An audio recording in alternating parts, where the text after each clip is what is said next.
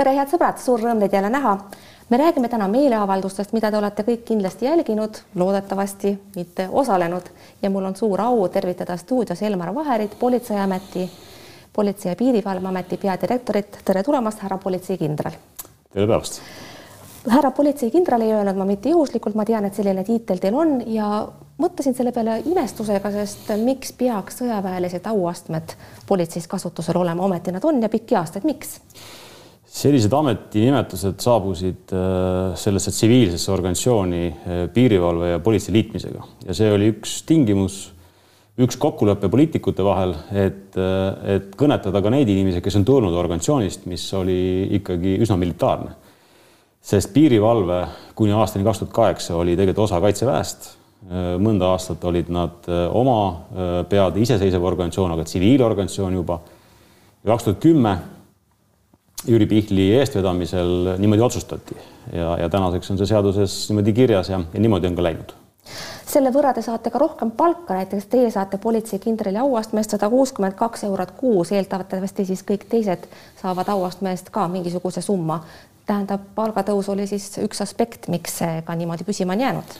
ei, see ei ole seotud äh, sellise palgaga öö, äh, otseselt. Äh, minul on põhipalk kuus tuhat eurot ja siis selle sees on erinevad komponendid. seal on tasandustasu, mis asi veel see on? tõepoolest on, on pagunil on hind, igal politseinikul, kes kannab pagunit, on hind. aga mis see tasandustasu on? tasandustasu on siis selline, selline olukord äh, tekkinud, mida nii Riigikontroll kui ka Rahandusministeerium tegelikult Siseministeeriumile ka pisut ette heidab, et on tekkinud selline huvitav seis, kus on äh, siseministri määrusega nimetatud palk siis on teenistusastme tasu, sedasama siis kuputasu ja selleks, et see lõpp-palk kätte saada, siis tuleb sinna vahele ehitada mingi puhver, et nimetada see tasandustasuks.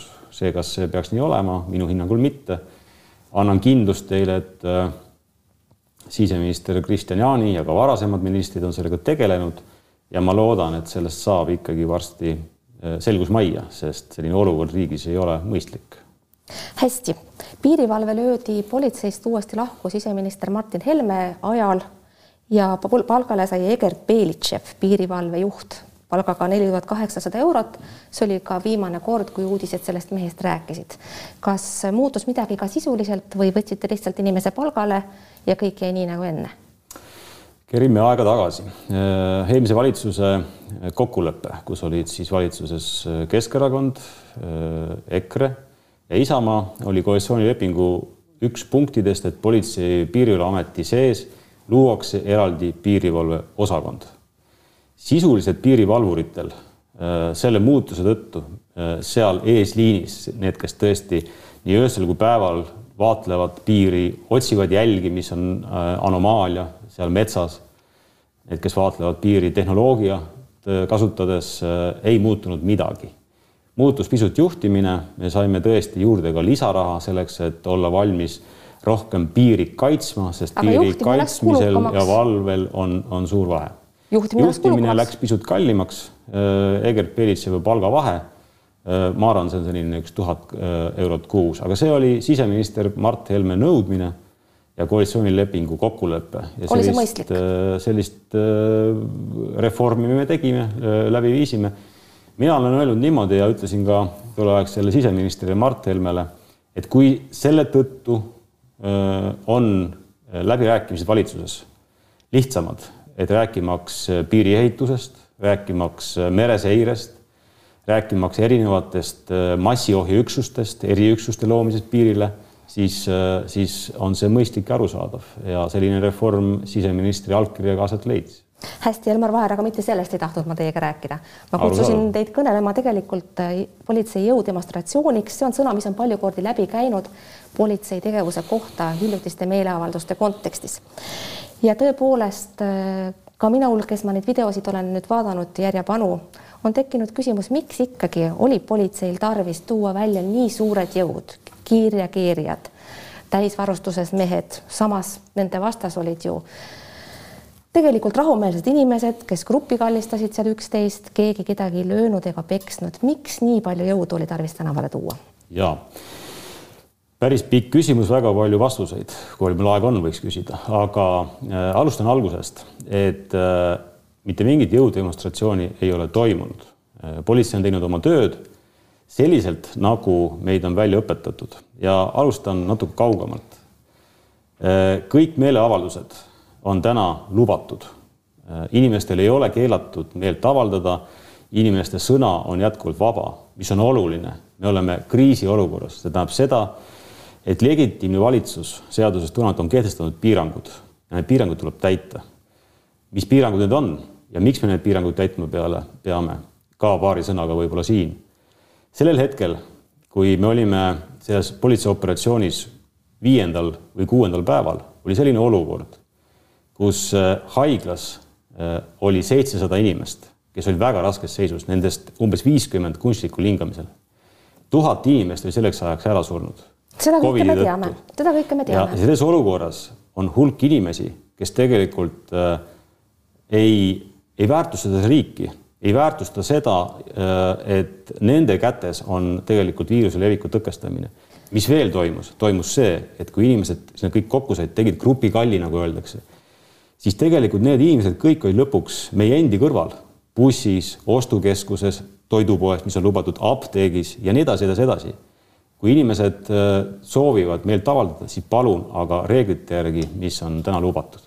Aga teate, et seal tekkis ikkagi teatav disproportsioon, oli hetki, kus politseinike täisvarustuses äh, mehi oli kohal rohkem kui meeleavaldajaid ja jaoskonda ja bussidesse viisi, viidi ka inimesi, kes lihtsalt mängisid pilli. oli seal üks õnnetu Mihkel, kes tagus trummi, ta viidi politseibussi, takkapihta tuli ta teine päev kitarriga, tal võeti see ära. Ma parandan teid kiiresti, et, et numbritest natukene, mitte kunagi ei ole olnud politseinikke rohkem kui inimesi, mitte kunagi. minul on mõnel pildil selline mulje jäänud. ja te vaatate lühikest lõiku, see, mis teile pakutakse, aga vaatame tervet päeva ja vaatame kogu ajastust, mis hakkab pihta tegelikult esimesest aprillist, me räägime praegu ühest päevast, aga tegelikult kogu olukord ju toimub Toompeal ja Vabaduse väljakul päris mitu päeva, kaks nädalat kokku no. ühel hetkel, ühel päeval olime me tõesti suurendatud jõududega. ma natuke räägiksin võib-olla nende üksustest, kuna teie sõnadest käivad läbi sellised märuli ja, ja kiirreageerimisüksused, kes nad on? meil ei ole olemas sellist meeskonda, kes ootab kusagil, et minna meeleavaldajatega, meeleavaldajate juurde või ette või tõrjuma mingit massi. meil on olemas politseinikud, kes teevad iga päev oma tavalist tööd.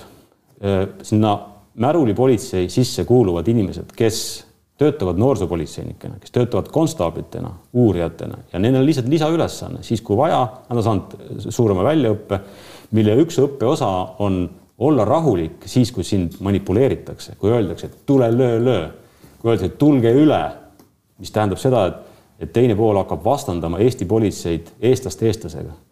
Nad on õppinud seda ja nagu me nägime, nad ei allunud selle provokatsioonile kui me räägime selle... kiirreageerimisüksusest, vabandust, kuna need sõnad olid, siis ma sooviksin selgitada. kiirreageerimisüksusest, siis need on need politseinikud, kes iga päev teevad oma tööd äh, linnatänavatel. Tallinna linnas needsamad mehed ja, ja naised, nad teevad iga päev seda tööd, et meil oleks turvaline elada ja me oleme väga turvalises keskkonnas ikka seesama õnnetu Mihkel, kellel võeti ära nüüd trumm, kes viidi jaoskonda ja kellel võeti tagapihtaga ära kitarr. no kas peab nii niimoodi siis tegema? Äh, paraku on niimoodi, et seesama legitiimne valitsus on kehtestanud reeglid. kui see trummimees oma trummi äh, mängimisega ja muusika on ju väga ilus ja politseile ka meeldib muusika, meil on oma orkester lausa, kes teeb äh, muusikat. kui selle trummimehe tegevuse tõttu tuleb kokku rahvas ja jääb sinna pikaks ajaks, siis Terviseameti ohuhinnangu tõttu või, või ohuhinnangust tulenevalt võib tegelikult järeldada, et tekib nakkuse oht meie eesmärk ei olnud lõpetada ära või võtta ära trummid ja karistada kedagi. meie eesmärk oli lõpetada ära selle viiruse leviku võimalikkus ja seda on meile kirjeldanud äh, Terviseameti peadirektor oma ohuhinnangus, sest tol päeval ja see on kirjalikult nähtav, kõik saavad seda lugeda, saab seda esitada, näidata, oli äh, Terviseamet andnud välja kõrgendatud ohu äh, pildi, me töötasime kõrgendatud ohus Selle.... meie eesmärk oli võtta ära trumm, et seda ei ei jätkataks. hiljem me andsime trummi tagasi. kitarri ka? kitarri ka, meil ei ole neid asju vaja, meil ei ole menetlust või, või me, me, me ei soovi öelda muusikule, et sa ei või musitseerida. palun mine musitseeri olukorras, kus ei ole piiranguid. sest mõtleme korraks, et kui me seda soosime, siis miks sealsamas kõrval restoranid peavad olema kinni, miks peavad olema öö, avalikud terrassid suletud?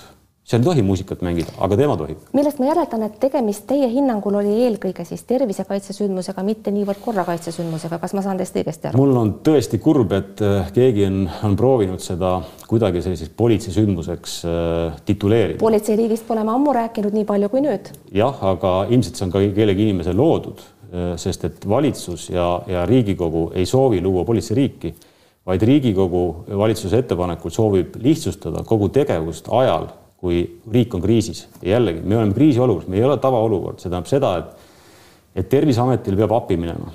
nüüd, kes on see, kes saab Terviseametile appi minna, sest Terviseametit on vähe ja neil on väga väike kompetents tänaval töötamise oskus ja igasuguses kriisis äh, ka seda kasutatakse, on, on Eesti politsei ja seda on ka tehtud praegu. muide, ma nägin ka Terviseameti ametnikud olid seal väga ekspressiivses vormis, ma ei ole neid kunagi säärasena näinud ja mõni neist juhatas ka inimesi siis äh, sinna politseibussi. minu teada Terviseameti töötajatel ei ole mingisugust jõu kasutamise õigust ega ka ega tarvidust, kas pidid politseinikud võib-olla siis terviseametnikke korrale kutsuma, et nad üle piiri läheks? Eesti riik on väike äh,. ei ole oluline, mis on kriis, võtame kasvõi Võrus toimunud äh,, kui te mäletate, torm, mis tegi väga palju halba, siis tegelikult selle tormi likvideerimisel töötas Kaitseliit, politsei, Päästeamet, linnavalitsus ja kõik kokku. nii on ka Terviseametiga, Terviseametil ei ole kinnipidamise õigust. terviseametil on nakkusohu tõttu menetlemise kohustus. ja seda rolli, et see Terviseameti töötaja tegelikult seal Toompeal lihtsalt peksa ei saaks, selleks lihtsalt seisis tema kõrval politseinik kui praegu ei olnud mingit ohtu põhiseaduslikule korrale ja ometi me nägime siiski nii palju politseinikke tänaval, siis mismoodi reageerib politsei olukorras, kus tõepoolest on oht politsei, on, on oht põhiseaduslikule korrale? Me töötasime olukorras enne nädalavahetust Äh, kus meil oli all Terviseameti ohuhinnang, et äh, oht on väga kõrge, nakkusoht ja nakkusoht ei tule sellest, et me korraks kokku saame, vaid nakkusoht äh, tulenes sellest, et inimesed on pikaajaliselt koos. et ja nagu te olete, nagu ma aru saan, palju vaadanud neid videosid, siis te näete, et kui soosiv on olnud Eesti politsei ja mingil hetkel, kui hakkab kas trumm mängima või tuuakse süüa, rahvas koguneb, siis meie roll on öelda kõikidele, et sõna on vaba palun avaldage meelt. Te võite teha siin äh, kõiki äh, neid tegevusi, mis on lubatud, aga palun hoidke neid pikki vahesid.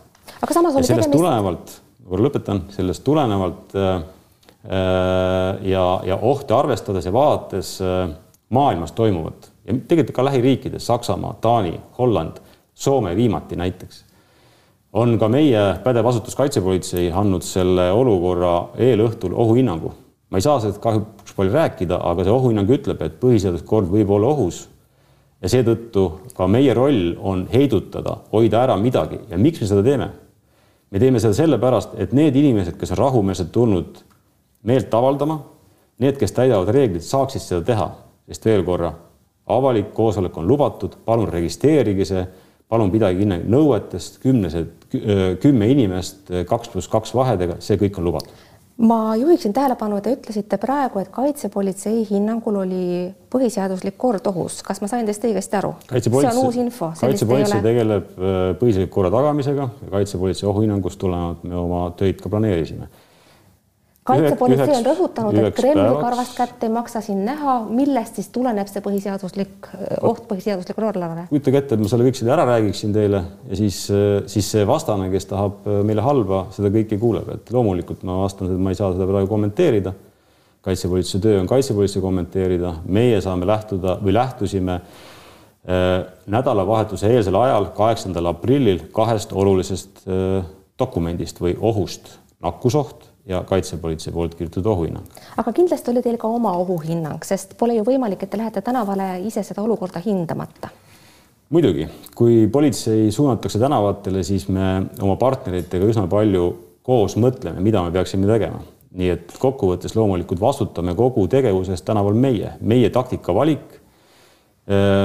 Staabitöö on korraldatud niimoodi, et operatsioonijuht Valdo Põder teeb otsuseid nagu vahetult meeskondade suhtes, aga selle taga on ka selline strateegiline mõtteviis, kuhu kuulun ka mina ja selline otsus sai langetatud. kui palju me teame tänaseks nendest inimestest, keda me võime lugeda siis korraldajateks? mitu korda on rõhutatud, et me ei tea täpselt, kes, kes need inimesed on. samas on nii siseminister Kristian Jaani kui ka juba nimetatud Valdo Põder viidanud, et, et me teame seda, samas ei tea seda avalikkus, kes need korraldajad on, nad ei ole ju teie jaoks enam nimetud ja äh, väga hea küsimus, me oleme saabunud tegelikult sellisesse olukorda, kus äh, kus võib tõdeda, et mingis mõttes sellist korraldaja, korraldajat ei tekigi alguses. Nad tekivad selle sündmuse eskaleerimise või sündmuse toimumise ajal. ja see ei ole midagi uut, nagu ma enne mainisin, Saksamaa, Taani, Holland, Soome, Iirimaa, kus, kus see on juba tavaline, kus ei olegi sellist ühtse eesvedajat, vaid see üleskutsumine toimub selline passiivselt ja pigem, pigem selliselt, et mina lähen, kas teie tulete ka. Ja seal kohapeal siis äh, korraldajad, kelle me oleme tuvastanud, nende psühholoogiline käitumine on selline, et vaadatakse, et inimesed on rahulikud, siis tehakse ülesastumine, kutsutakse äh, minema vastuollu äh, reeglitega, kutsutakse rahvas kokku ja rahvas tegelikult allub, inimesed tulevad kokku, hakkavad taaskord rikkuma piiranguid ja siis jälle asi rahuneb. või näiteks söögiga samamoodi, söök toodi õigel ajal õiges kohas kas te teate, kes siia tõi? me räägime umbes, umbes neljast-viiest inimesest, keda me tunneme. väga palju on räägitud meedias kahest inimesest, kes on ka täna ilmselt tulemas Toompeale või Vabaduse väljakul, täpselt ei tea hetkel. et aga, aga selle taga on ka inimesed, kes on, on Tanel Kaptšenko. Tanel Kaptšenko ja, ja, ja William Koval jah mhm. -huh. et aga me nägime ja näeme jätkuvalt ka neid inimesed, kes, kes tegelikult, keda me kohtasime aprilliööl ja keda me kohtame ilmselt ka üheksandal mail, siis kui, kui austatakse oma arvates siis seda, seda märki, mis on nende väga oluline. kui tugev see idapiiri tagant tuleva propaganda link siin on, sellest tegelikult me teame ju kõik, et see laste kodust äraviimise jutt on selline frantsiisi korras levitatav poliitiline propaganda.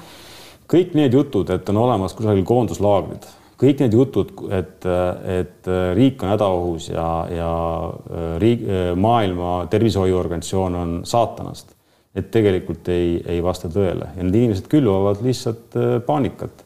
miks nad seda teevad?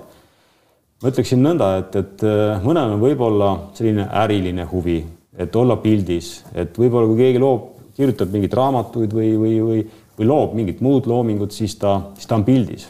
osad on selle edevusest, aga suur osa inimesi on tegelikult uudishimust. Äh, need inimesed, kes tegelikult on tulnud meelt avaldama, siis jätkuvalt tehke seda palun, aga täitke reeglid, mida on riik kehtestanud. mis saab lõpuks korraldajatest? mis nendega ette võtate?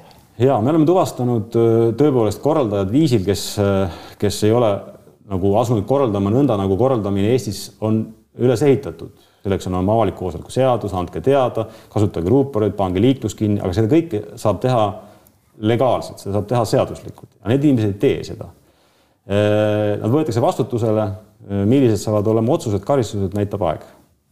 juttu on selles kontekstis olnud ka päris palju politsei solvamisest ja seda on tehtud korduvalt, kuid ähm, kõik solvamised ilmselt ei ole saanud õiguslikku tagajärge.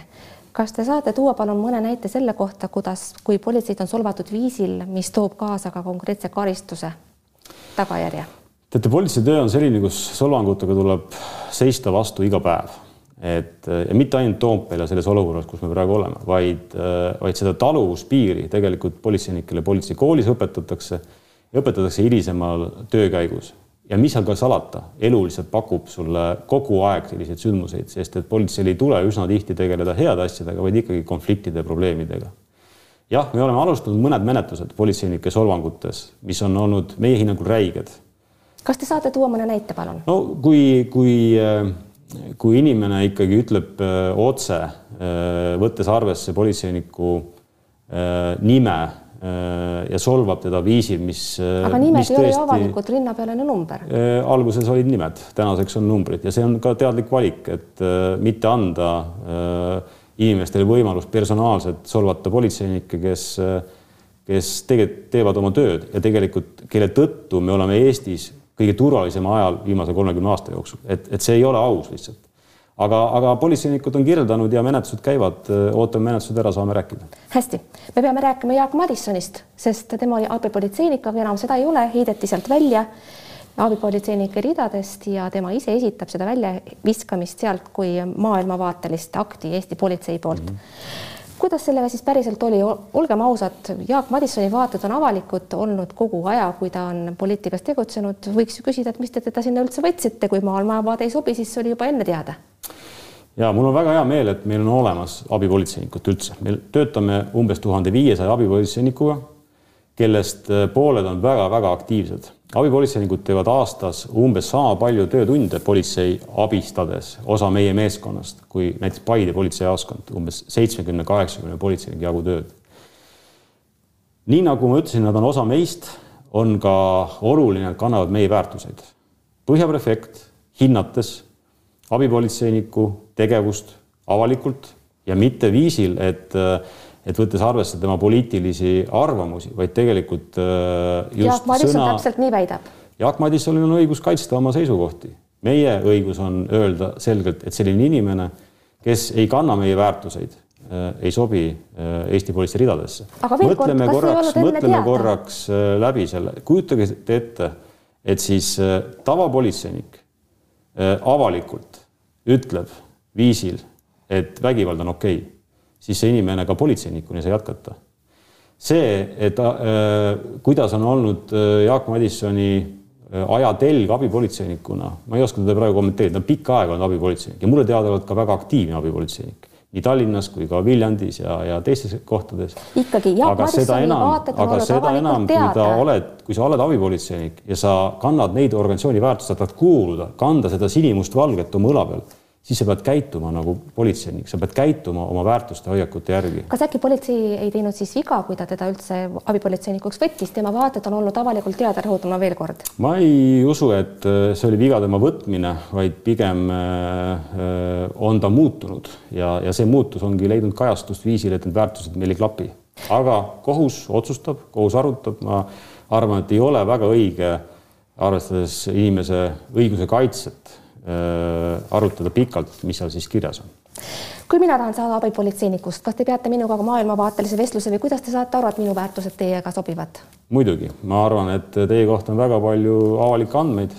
nagu Jaak Madissoni kohta. kohta on võimalik äh, küsitluse käigus saada kätte need äh, infokillud, mis näitavad teie maailmavaateid ja, ja kui see ei ole seotud inimeste aitamisega, kui need maailmavaated on võimu rakendamine või, või vägivallale õhutamine, siis kindlasti abipolitseinikuks Vilja Kiisler ei saa.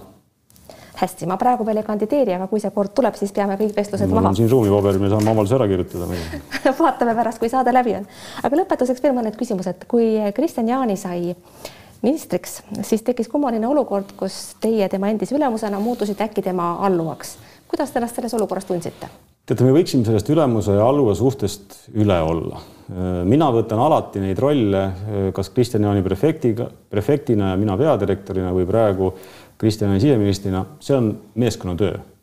et ma ei usu äh, ammugi sellist juhtimiskultuuri, mis on kolmekümne aasta tagune ja ka aeg, kui mina alustasin üheksakümne kuuendal aastal, kus äh, ülemus on tark ja alluv on, on rumal. ei, Kristjan Jaani on tark mees teeb oma otsuseid iseseisvalt, on elu näinud ja ma arvan, ta on väga hea siseminister. Kui ta peaks olema siseminister ajal, kui teie edasist ametiaega pikendatakse, ma ei leidnud avalikust ruumist ühtegi märget, mis keelaks teil ka kolmandat korda politsei ja piirivalveametit juhtima asuda, siis tekkis kummaline olukord, kus tema otsustab teie ametisse määramise üle, see on teoreetiliselt võimalik, olen ma õigesti aru saanud? kahjuks pean teid Äh, juriidiliselt võib-olla rohkem äh, kurssi viima. Ainult kaks ametiaega? ei saa jätkata kolmandat ametiaega peadirektorina, see on seaduses kirjas. see on seaduses kirjas? täpselt nii. mis te siis edasi teete, sinna ei ole ju enam nii palju aega jäänud? oi, elus on väga palju põnevat tööd ja, ja aga mul on kaks aastat veel käia, nii et, äh, et ma teen oma tööd uhkusega ja, ja mul on hea meel olla politseijuht, keda usaldab üheksakümmend kaks protsenti Eesti elanikkonnast. millal idapiir valmis saab? idapiiri ehitamine käib väga aktiivselt meil on äh, juba, võib öelda siis kümme, viisteist kilomeetrit äh, väga heas ehitusjärgus. Äh, selle valmimine, täisvalmimine sõltub rahastamisotsustest, mille kohased ettepanekud me oleme riigieelarve seaduse arutelu käigus käsitlenud kuidas jääb politseinike palkadega, sellel aastal on palkade teema juba tõstatatud erakordselt vara, juba kevadel tavaliselt alustate selleteemalist ülesastumist sügisel kui palju palgatõusu lootust on?